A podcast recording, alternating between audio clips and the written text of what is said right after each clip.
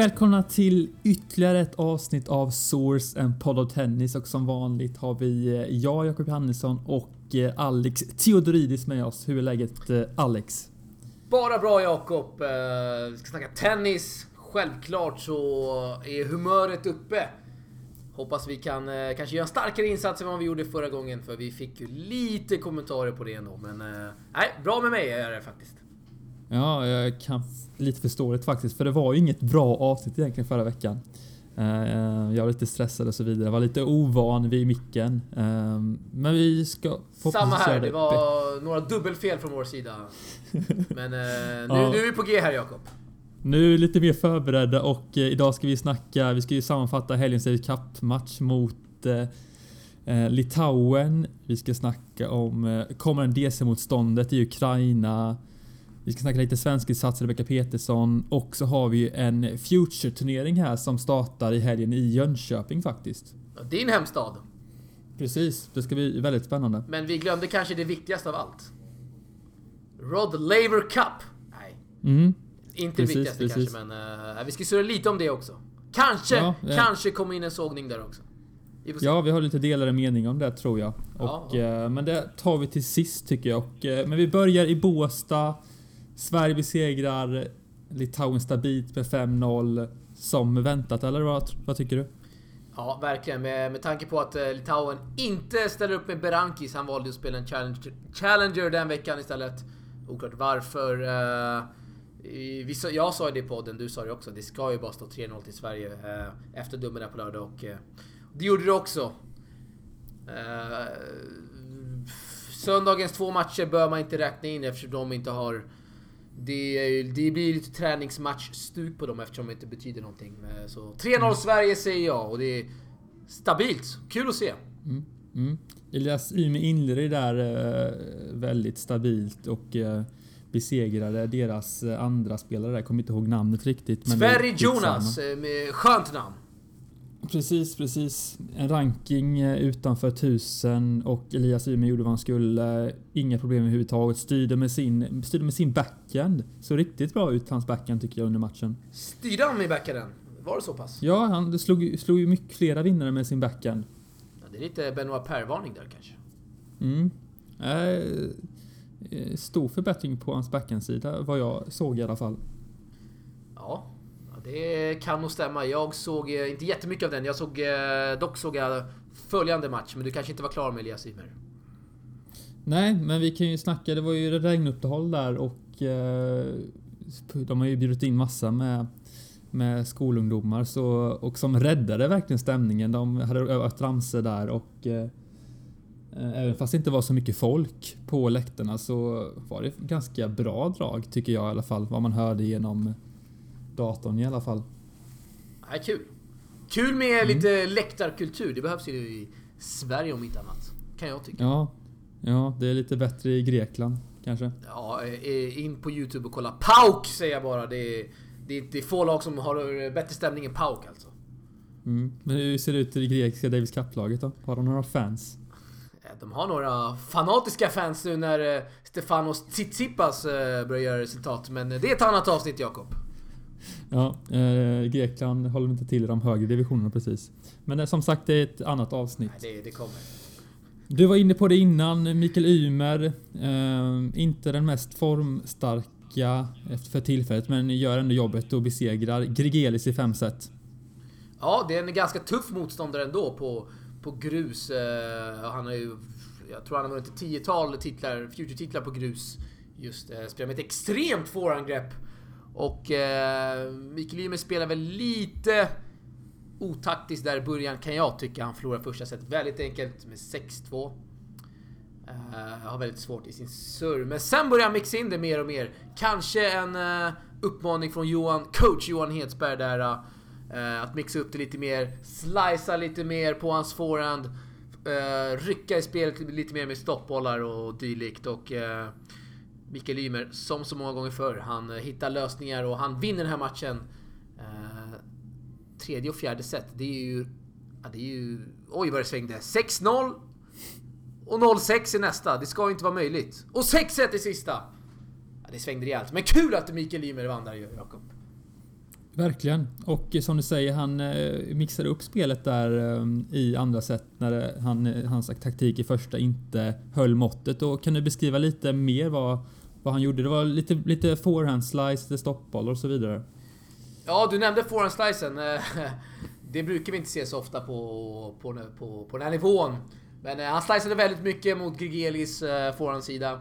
Eh, I och med att Grigelis har ett sånt extremt forehandgrepp så får han ganska jobbigt också att gräva upp de här mm. bollarna som är väldigt, väldigt låga. Eh, det vet mm. ju du själv Jakob som spelar med ganska mycket forehandgrepp, eller hur?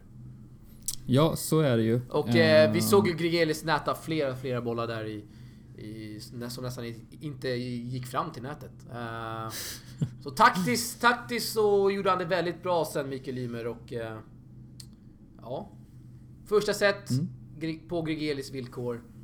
Sen så styrde, och, styrde Mikael Ymer och um, gjorde det bra taktiskt. Mm. det var ju hans, var hans första seger på centerkorten i Båstad också. Oj, och eh, både Elias Ymer och Mikael framhävde ju att det är väldigt svårt att spela på eh, Båstad Centercourt den är för storleken och så vidare. Och det kan ju inte bli lättare när vädret inte är det bästa heller. Nej. Så en, en forehand slice det kan vara effektivt. Eh, mycket effektivt i de förhållandena som var tror jag. Jag har faktiskt pratat med Gastau Elias för... Eh, ja, var det förra året du Magge? Och då pratade vi just om centercourten i Båstad. Det, det, det är inte så att en sida har eh, ständig motvind och den andra har medvind. Utan det kan ju skilja eh, mitt under match. Eh, med vindarna så att säga. Och eh, man vet aldrig riktigt vad för typ av boll som kan komma emot den. Och, äh, väldigt svårspelat sa Gastau Elias. Det, han, eh, han fattar egentligen inte hur man kan spela bra tennis där. Sa han i alla fall. Han oj, kanske, kanske inte är så van ändå, Gastau Elias. Han har inte varit sådär... Han har inte varit där jättemånga gånger. det är en fin sågning. Ja, det är en fin sågning där, Gastau Elias. Kanske lite bortskämd. Han är växt upp i Florida med bra förhållanden. Ja. Ja men det är 2-0 efter eh, fredagens singlar. Allt frid och fröjd och eh, på lördagen skulle det inte bli sämre. Eh, Brynström och Eriksson skötte det utmärkt och vinner med 3-0. Ja. Mot det litauiska laget. Även en, en stabil seger En, ja absolut, och en dubbelkonstellation ingen av oss trodde på förhand. Just att Brun, Bruno och Mackan skulle spela tillsammans. Mm. Ja. Eh, Precis, det trodde vi inte någon av oss. Jag vet inte vad som föranledde till detta. Eh, Bröderna Nyman kanske inte ville spela eller så, ja, så, eller så tyckte Hedsberg att det var den bästa lösningen helt enkelt. Ja, vi har ju sett Mackan ta ett par titlar också. Han har gjort bra i, mm. i Challenger också Absolut. i dubben. Och, eh, nej, de, eh, de verkar hitta varandra där ute ganska snabbt mm. tycker jag ändå. Mm. Och eh, Max Eriksson fick ju inte spela andra singeln heller. Det trodde ju båda vi två. Ja. Eh, vi har inte sett någon förklaring till eh, varför Imi fick spela men eh, jag antar att han gjorde bättre ifrån sig under träningsveckan innan. Jo men visst är det så. Och sen... Eh, eh Macka må vara mer formstark spelare men Mikael Ymer har ändå ett större spel i sig och en mer kapacitet tycker jag i alla fall. Visst är det så. Visst är det så. Men eh, tillbaka till dubben. De säkrade, de säkrade avancemanget till division 1 och fick se två väldigt glada svenska spelare krama om varandra. Och eh, det var nog många som drog en lättnadens suck när det stod klart att eh, Sverige lämnar division 2 och kommer att spela i division 1 nästa år. Nu försvann du helt. Säg igen. Ta om den frågan. Hör du mig eller? Nu, nu, nu, nu hör jag dig. Säg igen. Okay. Ta om frågan. Kör! Okay. Vad fan. Ja, om vi går tillbaka lite där till dubben så blir det klart att Sverige vinner med 3-0 och kommer spela i division 1 eh, nästa år och det blev enbart ett år i eh, division 2 eh, och det får vi väl se som se som en bra prestation av det svenska DC-laget och den nya kaptenen Johan Hedsberg. Ja, verkligen. Alltså, segern i Tunisien på bortaplan, den är ju... Den är ju respektabel på alla sätt och vis. Sen vinner man borta mot Turkiet också. Uh, två bra länder alltså. Det är mm. Fan, det är inte dåliga motstånd heller. Nej, Johan Hedsberg ska ha all heder. Han är ju obesegrad som DC-kapten och verkar ha fått ihop ett, eh, ett fått ihop laget här på ett fantastiskt sätt och det det känns ändå som det är en annan atmosfär under Hedsberg än vad det var kanske under, under Fidde. Även fast jag inte är den mest insatta, kanske. Men eh, det känns så i alla fall, Jakob. Jag vet. Mm, kan du utveckla det lite? Eh, det kan jag faktiskt göra. Nej, men det känns som det är... Uh, Fidde kanske har kanske lite hårdare ledarskap. Uh, kanske är... Johan Hedsberg kanske är mer lättsam i sitt sätt att uh, coacha och uh, leda det här laget. Mm. Skulle jag tro. Ja, men det är ju en tanke man kan ha faktiskt. Och, och du har ju varit nära Fidde vet jag ett par gånger. Både under samlingar och matcher. Ja, absolut. Men jag kan, kan inte knappast säga att att jag vet hur han är bakom kulisserna men jag, han är nog, som du säger, han är nog betydligt mycket mer eh, tuffare än Johan Hedsberg. Det kan man nog de flesta skriva under på. Ja, och eh, ja, som sagt, vi spekulerar bara här. Det är, vi, bakom kulisserna kan ju, det är ju bara spelarna som vet det. Men eh, mm. spekulera men det, får man ju ändå göra. Eller Jakob? Det kan, det kan nog vara ett faktum att Fidde Rosengren är tuffare eh, ja. än Johan Hedsberg skulle jag tro. Ja, verkligen. Mm. Uh, nej, bra start för Hedsberg med... Kul, kul i Sverige!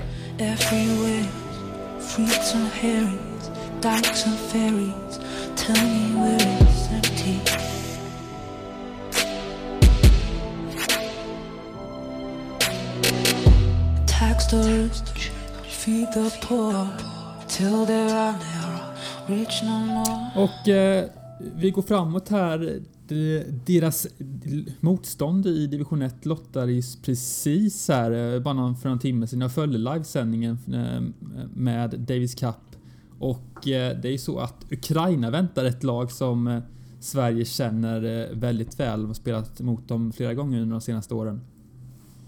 Ja, det är... Det här blir jäkligt tufft alltså. Om vi kollar på Ukrainas lag, vilka spelare man har. Vi kan väl ta fixstjärnan eh, Dolgopolov. Rankad runt 50 i världen. Han spelar alla slams, han spelar de stora turneringarna. Han kan inte jag se någon svensk besegra. Eh, Sergej Stakowski.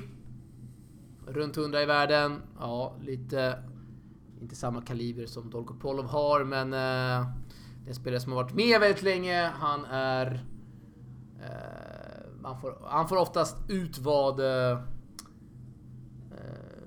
han gör sällan plattmatcher skulle jag säga. Eh, kanske inte är den mest stabila ATP-spelaren. Eh, men en spelare som bråkar väldigt ofta om Challenger-titlar. Sen har man Ilja Marchenko. Visserligen dalat på rankingen, lite skador, lite dålig form. Men han har varit en spelare också i topp 100. Eh, tre ganska tunga namn Jakob, som eh, Sverige inte är i närheten av skulle jag säga. Absolut, visst är det så. Men frågan är om alla de här tre kommer ställa upp. Vi såg ju det när han spelade mot eh, Portugal under förra året. Då hade varken några av de här namnen med. Eh, då spelade de med eh, singlarna Man, Manafov plus en spelare utanför topp 1000. Och då fick den ju stor stryk. Men när de spelade mot, var det Israel va? Ja, så precis, hade de alla, alla tunga namnen med. Ja. Och eh, det beror ju helt enkelt på eh, vilka spelarna ställer upp med. För att förutspå Sveriges chanser. Ja, varför de inte ska ta ut bästa lag mot Sverige, det eh, har jag svårt att se. Eh, mm, kanske inte vill spela? Nej, kanske en bojkott. Det har ju varit lite sådana schismer under åren just i Davis Cup med förbundskapten mm. förbund och allt möjligt. Men nej, vi får väl helt enkelt ställa in, ställa in oss på att Ukraina ställer in med, ställer upp med bästa laget här. Mm. Och jag har ju ett speciellt minne där från eh, Davis Cup när Sverige mötte Ukraina för, vad kan det vara, tre fyra år sedan eller någonting. När Johan Brunström eh, går in och möter Sergej Stajkovski och pressar honom rejält alltså. Han fick gå in där, Isak Arvidsson blev eh, sjuk tror jag. Och eh, Johan Brunström fick spela en singel och gjorde det fantastiskt bra. Besegrade nästan Sergej Stavkovski faktiskt. Den matchen minns jag och eh, rätta mig om jag har fel, men jag tror Brunström var väl skadad ett par veckor efter den matchen va? ja, eh, hade väl betydligt, väldigt ont i ryggen har jag för mig. Och det är väl ganska förståeligt eh, när, ja, ja, eh, när en dubbelspelare som eh, är en bit över 35 går in och spelar en femsetare mot, mot en betydligt bättre spelare på rank, rankingmässigt. Mot en spelare som har slagit Federer på gräs. Det inte, har inte alla mm. gjort, Jakob. Nej. Det var ju också några år sedan, men... Uh, ja, ja, jäklar vilken skräll det var alltså. Sidospår här, men jäklar vilken skräll ja. det var. Herregud. Ett annat sidospår är ju Stajkovskijs eh, frispråkighet. Eh, ja. Allt han har sagt har väl inte varit helt rumsrent om man säger så. Nej, och eh, ytterligare sidospår, det är ju Dolgopolovs eh, fixmatch här mot Thiago Monteiro som... Eh, som eh, annars inte kan slå in en boll på en hardcourt-bana. Uh, den matchen var det jäkligt surr över alltså. Den uh, undersöks mm. ju den matchen. Mm. Det var ju mm. sådana sjuka oddsrörelser. Uh, men det är ett annat avsnitt också Jakob. Eh, det får vi ta ett annat avsnitt. Men eh, om eh, Ukraina spelar med sina bästa spelare är de helt klart favoriter, men frågetecken är om de kommer göra det. en annan grej jag tänkte på under lottningen var att Ukraina och Ryssland medvetet sattes på eh, olika sidor av lottningen enbart för att inte få möta varandra. Oj! Um, och uh, det var en del kommentarer kring detta och jag kan bara hålla med att det känns uh, lite, lite, ja, det känns lite sorgligt faktiskt att politik ska ha så stor betydelse över tennis och Davis Cup. Ja, alltså självklart är det så. Vi har ju sett om vi tar fotbollen till exempel så har vi, vi har ju sett EM-kvalmatcher, VM-kvalmatcher mellan liksom Serbien och Kroatien och med all den historia som ligger bakom och det har väl ändå... Alltså det har ju inte blivit någon... Det har ändå funkat ganska bra. Uh, om man... Det har inte blivit någon katastrof efter det skulle jag tro sådär. Uh, nej, politik och uh, tennis, fan det hör inte ihop. Eller sport för den delen. Nej, tråkigt. nej, med. det ska ju inte höra ihop. Nej, men det, man kan ju inte låta bli att blanda ihop nej. det i vilket fall. Vi, har ju, vi hade ju Sverige när man mötte Israel för, för många år sedan när de fick spela inför tomma läktare i Malmö. Ehm, ja, just det. Ja. det, ska, det ska inte, man ska inte blanda ihop det men det är helt enkelt oundvikligt skulle jag säga. Ja, Ukraina-Ryssland, en sån match skulle man kunna... Skulle man kanske vilja se alltså. Eller? Det skulle vara väldigt spännande. Det skulle vara väldigt spännande. Men, ja, men det blir det. Ukraina mot Sverige här och eh, matchen spelas väl någon gång i vår skulle jag tro. Jag har inte koll på riktigt, riktiga datum. Men det spelas i Ukraina i alla fall. Tidigt februari där tror jag, andra till femte va? Eh, vågar Precis. man åka ner till Ukraina Jakob? kanske man gör va? Um, ja, men det kan ju vara kul faktiskt. Jag har inte varit där nere. Ska vi ta en ehm. resa dit kanske? Ja, det får vi absolut diskutera. Du får prioritera om lite, skippa Australien och åka ner, till Ukraina istället. Nej, men jag hinner till uh, Ukraina va? Okej. Okay. Men uh, vi får väl ansöka om spons kanske? Ja, Inget är ju gratis. Ja. På tal om spons har ju Svenska Tennisförbundet också fått en ny eh, sponsor här. Elite Hotels går in med en med en eh, kraftig summa här för att sponsra eh, svensk juniortennis faktiskt. Och det ja, är bara att gratulera. Det är bara att gratulera och eh, de har väl varit involverade i just svensk tennis ganska mycket innan också. Mm. Jag vet att Rebecca Petersson har väl haft så här gratis nätter va, via Elite Hotels. Där hon har rest tidigare. Som junior tror jag faktiskt. Nej, så de verkar slå ett slag för tennis och det måste man bara gilla. Absolut. Eh, vi säger tack till Elite Hotels. Och vi går vidare i vårt avsnitt och ska snacka lite vad som hänt på de senaste veckorna, eller senaste veckan egentligen, eh, för svenskarna på, ute på touren här. Och ett glädjeämne är ju Rebecca Petersson. Oh ja! Hon är i kvartsfinal i Guangzhou. Mm. Om det var rätt uttalat. Det, var väldigt, det var väldigt bra uttalat. Ja. Eh, och hon har ju tagit två segrar här. Eh, den första mot Alison Riske, USA och eh, idag onsdag besegrade hon Kailin Chang 6-3, 6-0. Och i kvartsfinalen ställs hon mot Alexandra Krunic, 67-rankad från Serbien. Ingen omöjlighet skulle jag säga. Nej. Att, äh, Rebecca Petersen når sin första semifinal på VTA-nivå. Hon har en, en kvartsfinal innan i Båstad för några år sedan. Och... Eh, ja, Risk slog hon där 50 i världen, Kronic 67 som du säger. Men eh, Kronic som... Eh, alltså det är ja... gick till en tredje runda nu senast i US Open. Slog Johanna Konta bland annat. Slog Cornelia Lister också här i Båstad senast, mm. ganska enkelt. Petersson får väl ringa Lister och fråga lite om tips och råd kanske. Absolut, eh, det får, det får hon verkligen göra. Och eh, vi har ju, hade ju även Johanna Larsson som spelade i, i Korea, i Seoul. Men förlorade mot eh, Roland Garros-vinnaren Ostapenko 6-7-1-6. Ja, Ostapenko. Eh, GS-vinnare i år, Jakob. Kanske mm. inte fy skam från mot en sån lirare, men...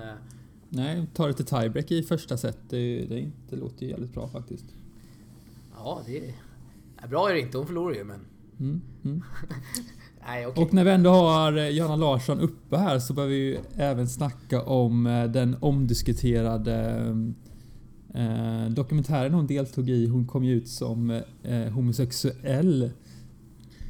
Och eh, visar vägen för, för många idrottare både i Sverige och i världen. Eh, väldigt vågat av eh, Sveriges bästa tennisspelare skulle jag säga. Ja men självklart är det starkt att hon går, går ut med det. det är, vi lever ändå i 2017 och det ska ju egentligen inte bli en grej av det. Men uh, det blir ju det självklart. Uh, mm, mm. Nej, starkt och jag hoppas att hon visar vägen för många av alla idrottare ja. som uh, kanske mm. Tänker inom samma banor. Precis, ja, precis. Nej, starkt att gå ut med det, helt klart. Strålande. Och eh, vi har ju även en del svenskar också. Vi, sk- vi hade tänkt ha Marcus Eriksson här i, som gäst i podden idag och berätta lite om helgens DC-upplevelser. Men eh, det gick inte som han riktigt förväntade sig, tror jag i alla fall, i Madrid. Han var ju sidad fyra i Future där i Madrid och mötte ett spanskt wildcard, 1040, eh, rankad bland utanför de tusen bästa och förlorade i tre set. Ja, vad säger vi om, ja. vad säger vi om det? Eh, fiasko! Nej. Eh, det spelare Mackan självklart på pappret ska slå, men... Eh, Ja, livet på touren är... Det kan vara tufft ibland och... Eh, ja, vad ska man säga Jakob? Ja, utan att ha sett matchen. Hur mycket... Vad, Nej, det, är viktigt. det finns inte så mycket att säga. Det finns Nej. inte mycket att säga egentligen. Uh, han ska ju slå en motståndare som ligger där mm. han ligger, som du säger. Men... Ja. Uh, ja.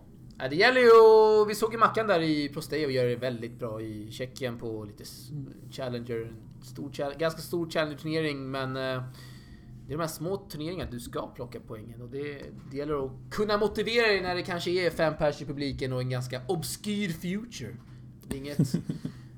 Nej, det är fan ja. inte lätt för våra krigare ute alltså. Men, eh, Nej, verkligen inte. Jag ställer, inte jag ställer inte frågan till att uh, han drog ner direkt till Spanien, lämnade Sverige och nu åker tillbaka till Sverige direkt och ska spela två, två futures. Uh, jag hade nog rått han till att stanna kvar i Sverige, träna en vecka och sen åka till Jönköping och spela Future-turnering. Vad säger du? Ja, eh, jo med facit hand självklart. Eh, han kanske ville känna på eh, nattlivet där i Madrid och besöka Bernabéu, världens vackraste arena. Vem vet? Ja, vem vet egentligen?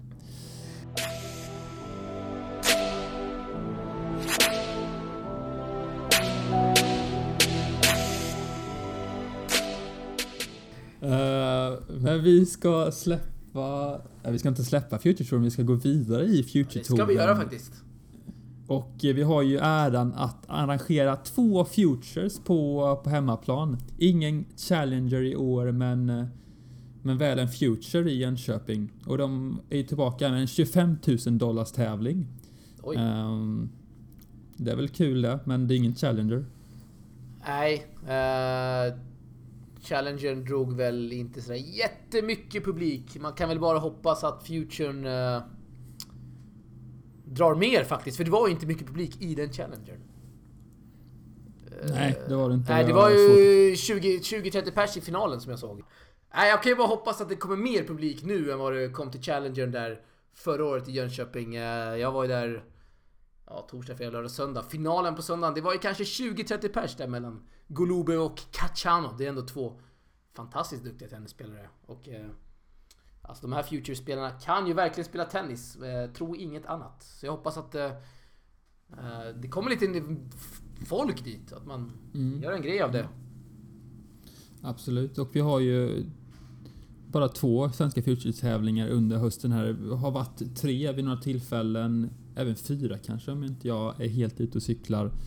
Men eh, det är 25 000 dollars tävling vilket betyder att det kommer en hel mängd bra spelare och eh, svenskarna har det faktiskt tufft att eh, ta sig in i huvudturneringen på egen ranking. Just nu är det tre spelare som har gjort det och vi har Marcus Eriksson där som vi har snackat om innan. Vi har Jonathan Merida som har gått bra under den senaste tiden samt Fred Simonsson rankad ja. 809 som är Lars Appetence i nuläget. Eh, borde man verkligen anordna sådana här tuffa tävlingar när våra svenska spelare inte ens kommer in? Många av dem. Eh, jo men det tycker jag absolut. Eh, det kan vi bara kolla på alla Challengers, vad de har gjort för våra, våra svenska spelare. Och eh, kvalet brukar ju i sådana i såna här turneringar i Sverige vara rikt med svenska spelare.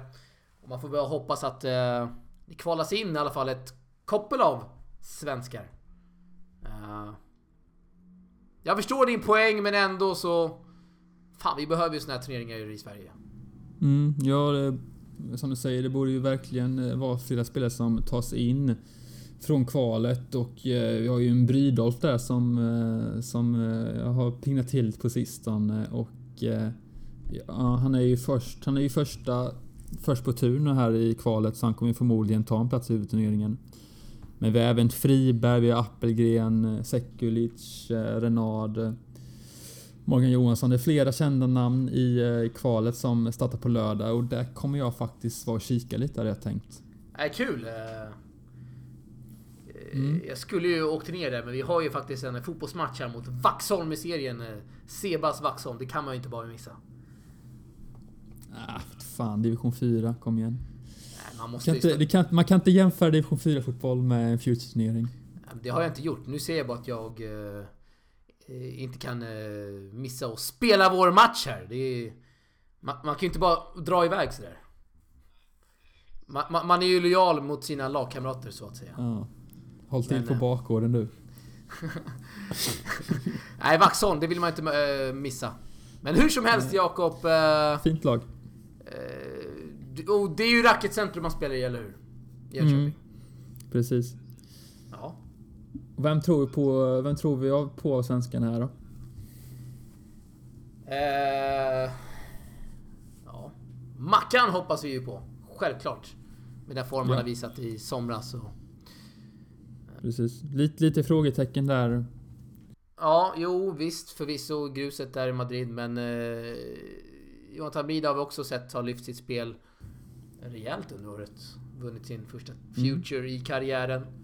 Eh, ja, jag hoppas verkligen Mackan och Brida kan gå långt. Givetvis Fred Simonsson också. Men mm. eh, han... Hög högsta nivå där. Ja, det snackas väldigt mycket om hans höga högsta nivå, men... Eh, lite kvar att jobba på det. Med det mentala. Mm. Det ska också bli spännande att se Karl Friberg tycker jag. Eh, han har ju tränat med Davis Cup-laget här eh, eh, under, veck under förra veckan och även tagit sig in bland de tusen främsta. Kan ja. bli kul om han kan ta sig, kan ta sig ganska långt skulle jag tro. Verkligen, om han undviker att flisa rackets kanske. Mm. Nej, det var jag, det var har vi sett honom göra några gånger. Nej, det var elak. Jag ber om ursäkt. Men nej, han är intressant verkligen. Ja. Och... Eh, du kom jag på att Fred Simonsson vann faktiskt en dubbeltitel här i helgen. På, på det, hade inte ens, det hade inte ens jag koll på. Du hade inte koll på det? Han vann faktiskt med Corrado Sumaria i Italien. Okay. Det är skönt namn där. Eh, någonstans hoppas man ändå på att Fred ska få sitt genombrott. Eh, dubbeln ligger då närmast kanske det, gör, mm. det gör ju det. Utan att... Ja, hans eh, dubbelpartner där, Isak Arvidsson har ju tagit en paus. Eh, så vi får ju se vad som, vad som händer där. Ja. Gällande hans dubbelpartner. Eller om han eh, fortsätter att spela med Corrado Sumaria.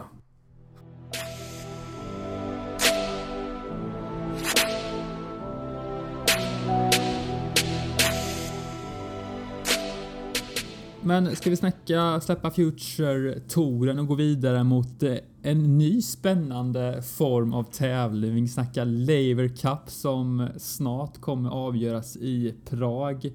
Och vi har ett europeiskt lag med Nadal, Federer och eh, ett koppel av bra spelare med Cilic, Björn Borg som, som lagledare. Sen har vi ett eh, resten av världen med eh, inte så... Ja, det är bra spelare såklart. Det är väldigt bra spelare, men ingen eh, Federer, Nadal. Eh, och de Nej. har John McEnroe som, eh, som ledare och tanken med den här turneringen är att ja, hylla Rod Laver. Framförallt med namnet då, men de andra, den genom, genomtanken vet jag inte riktigt vad, vad den är. Nej, det känns ju det? som att man eh, gör ett sånt här format bara för att liksom ha någonting att göra. Känns det som. Det är ju inga rankingpoäng här, det är enbart prispengar. Eh, den här turneringen blir ju lite motsvarighet till vad Ryder Cup är inom golfen. Eh, behövs verkligen sådana här tillställningar i tennisen idag? Nej, kanske inte, men... Eh, ja, jag är lite kluven där alltså. Fan, kommer man verkligen kolla på sånt här? Det blir ju lite uppvisningstennisstuk när det verkligen inte betyder något. Visst, det är prispengar inblandat, blir inblandat. Eh, men hur mycket, kommer, hur my- hur mycket kommer verkligen spelarna ta ut sig där ute? Det kan man ju bara Alltså, fråga sig. Jag själv hade gärna sett att eh, Team Europa mot eh, Team America i så fall. Så det blir lite mer lagkänsla där. Team World känns ju oerhört flummigt skulle jag säga. Och vi kanske ska gå igenom vilka spelare som är med där i Team World. Vi har ju Sam Querrey, John Isner, Nick Kyrgios, Oj, Jack det- Sock, Dennis Chapovalov och eh, Francis Tiafoe. Ja, det är, alltså om inte Europa vinner det här ganska enkelt, det är ju lite... Då är det en skandal! Björn Borg, han har ju mycket press på sina axlar nu, Björn Borg. Efter, eh, Ja, framförallt. Och eh, Team Europa ställer upp med Nadal, Federer, Alexander Zverev, Marin Cilic, Dominic Thiem och Thomas Berdych. Jag undrar hur de har fått ihop ett sånt här bra lag egentligen. Alltså, det kan inte vara alldeles lätt för arrangören att, att locka alla de här spelarna. nej, kanske cred till Björn Borg där som har lyckats eh, skrapa ihop ett fantastiskt lag här. Eh, Man kommer ju spela Jag på... tror, inte, jag tror inte Björn Borg har varit eh, ansvarig för att Nej, locka hit de här kanske spelarna. inte. Nej, förvisso inte kanske, men eh, kanske mest anmärkningsvärda det är att man kommer spela på en svart tennisbana, Jakob. Mm, ja men det gillar vi. Eh, ja, lite nytänk väldigt sådär. coolt. att- Det ska bli väldigt coolt att se det. Så man kommer ju se bollen väldigt väl i alla fall. Det kan man ju Ja. förutse. Alltså Twitter kommer säkert gå bananas över sånt här uppvisningsstuk som det är ju, du, är ju då i IPTL där vi... När är det? Mellan eh, jul och ja, årsskiftet där. Men... eh, Ja... alltså. Det ska bli intressant att se hur det... Hur, det, hur pass spelarna... Hur mycket man tar ut sig. Eh, Det har ju ryktats om att eh, det ska vara ganska sjuka prissummor alltså till spelarna. Och det är kanske det som krävs Ja. för att locka dit dem. Ja, var- varför skulle annars Federer och Nadal komma? Jag vet Nej, att Federer med, Federer med arrangerade på något sätt. eh, Så det är väl, Han måste ju få en därför. rejäl kaka bara för att dyka upp alltså. Eller för att spela. Ja, ja verkligen. Även Björn Borg lär ju få sin del säga. han eh, gör det nog inte gratis skulle jag tro. Det gör nog ingen gratis. Nej. Men annars ett, ett väldigt bra sätt att sprida tennisintresset. De spelar i Prag nu men kom- de kommer ju rotera stället och, eh, och slå ner eh, och sätta en sån här turnering i till exempel Kina hade ju jag antar att det hade höjt intresset oerhört mycket för tennisen i, i Kina till exempel. Ja, det är bara att kolla när... Eh, nu kommer jag bort mig här. Uh, IPTL, spelar man det i Kina? Nej, det gör man inte. Men man spelar i Dubai, man spelar i eh, Malaysia, man spelar i Singapore. Där blir ju... Det blir en sjuk grej när... När eh, de spelarna kommer dit. Stora namn som... Som Kyrgios och Federer och Nadal och allt vad det är. Eh, Ja, det gäller att... Jag såg, ja. jag såg även att uh, Kokinakis var med som alternate för Team World och Oj. eh, jag skulle gissa på att eh, hans roll blir, om man inte får spela då vill säga, är att hålla Nick Kyrgios på, på bra humör. Vad tror du om detta? Eh, tekniska problem? Nej, men eh, han kommer nog vara lite kanske av en uh, glädjespridare skulle jag tro. Uh, Kyrgios och eh, uh, Kokinakis. Det är två sköna snubbar. eh, som jag gillar väldigt mycket. Av någon konstig anledning, Jakob. Okej, men tror vi verkligen att Kyrgios kommer kunna hålla fokus här eh, när inga Alltså gör han någon räknas? skandalgrej i det här fina, det här fina formatet då... Nej, fan jag kan inte se han göra det.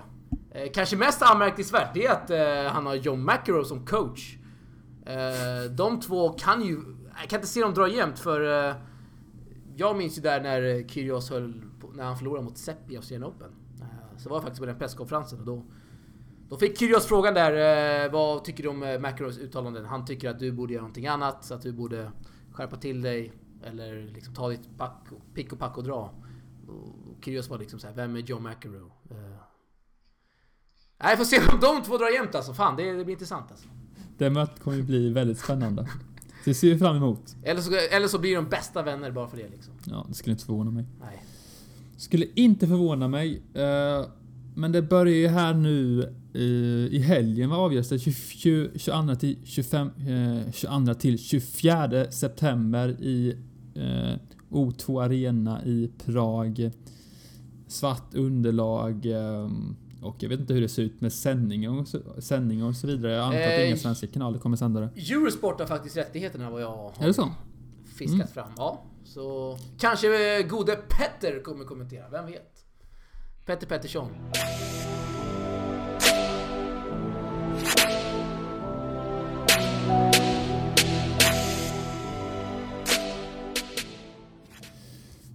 Gott! Eh, vi ser fram emot O2...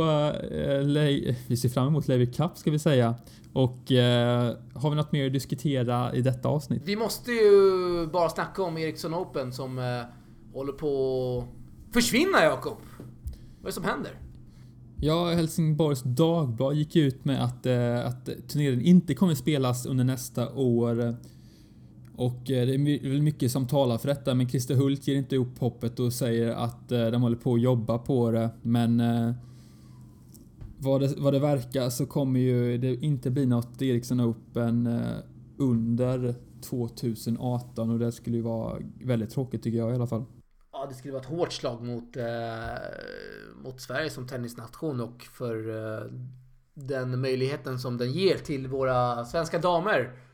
Eh, ja, nej, det vore ju verkligen tråkigt. Eh, men turneringen har väl inte kanske haft den här hypen sen Serena kom och eh, ja, hon drog väl ganska snabbt där också va? Det, det året.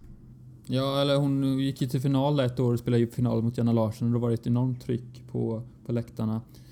Men eh, Wozniacki, dragplåstret i år, drog inte mycket samtidigt som vädret Vädret den här sommaren under Ericsson Open var inte det bästa heller. Det var mycket regnavbrott och så vidare.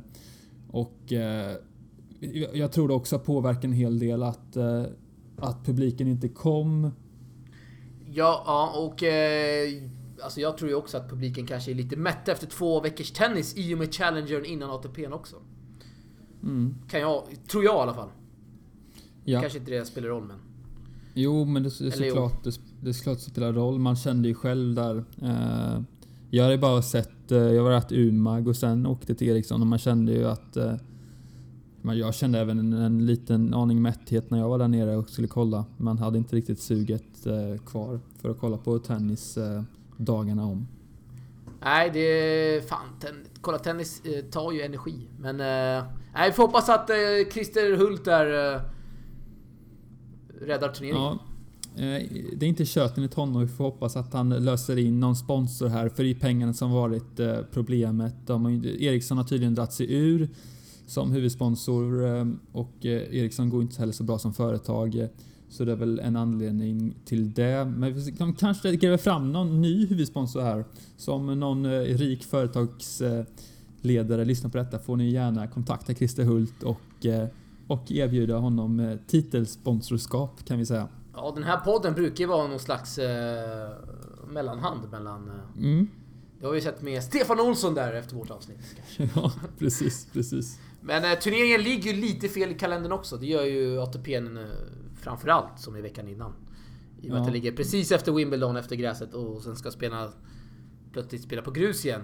Eh, men det är inte så mycket, mycket just kring underlaget man kan göra, tyvärr. Nej, så är det. Tyvärr alltså. Ja, tyvärr. Även vi kan säga tyvärr för många svenska damspelare, Jonna Larsson bland annat, som... eh, Ja, vi ska inte dra några förhastade slutsatser. Nej, Eh, det är inte helt kört ännu. Men eh, Nej, det är det inte. nej, vi håller hopp, eh, hoppet uppe här Jakob. Som Mm, vanligt. Absolut. Som vanligt. Absolut. Mm. Gott, men ska vi tacka för det här avsnittet kanske? Ja, det är nog läge att eh, göra det. Eh, Snart är vi nog tillbaka igen kanske va? Nästa vecka. Kör vi nog igen. Eller? Ja, ehm, det kan vi nog göra. Eh, Lite sammanfattning av eh, Future-veckan där bland annat. Eh, Och en sammanfattning av Rod hoppas- Laver Cup kanske. Ja, precis. Det måste man ju bara precis. kika på hur det gick. Mm, ja, det är spännande. Mycket spännande. Se vem som tar hem segern där. Gör Team Europa det som planerat eller kommer Team World med John McEnroe i spetsen att skrälla? Det får vi se eh, efter helgen. Nu tackar jag för mig och eh, jag hoppas att ser några i Racketcentrum i helgen.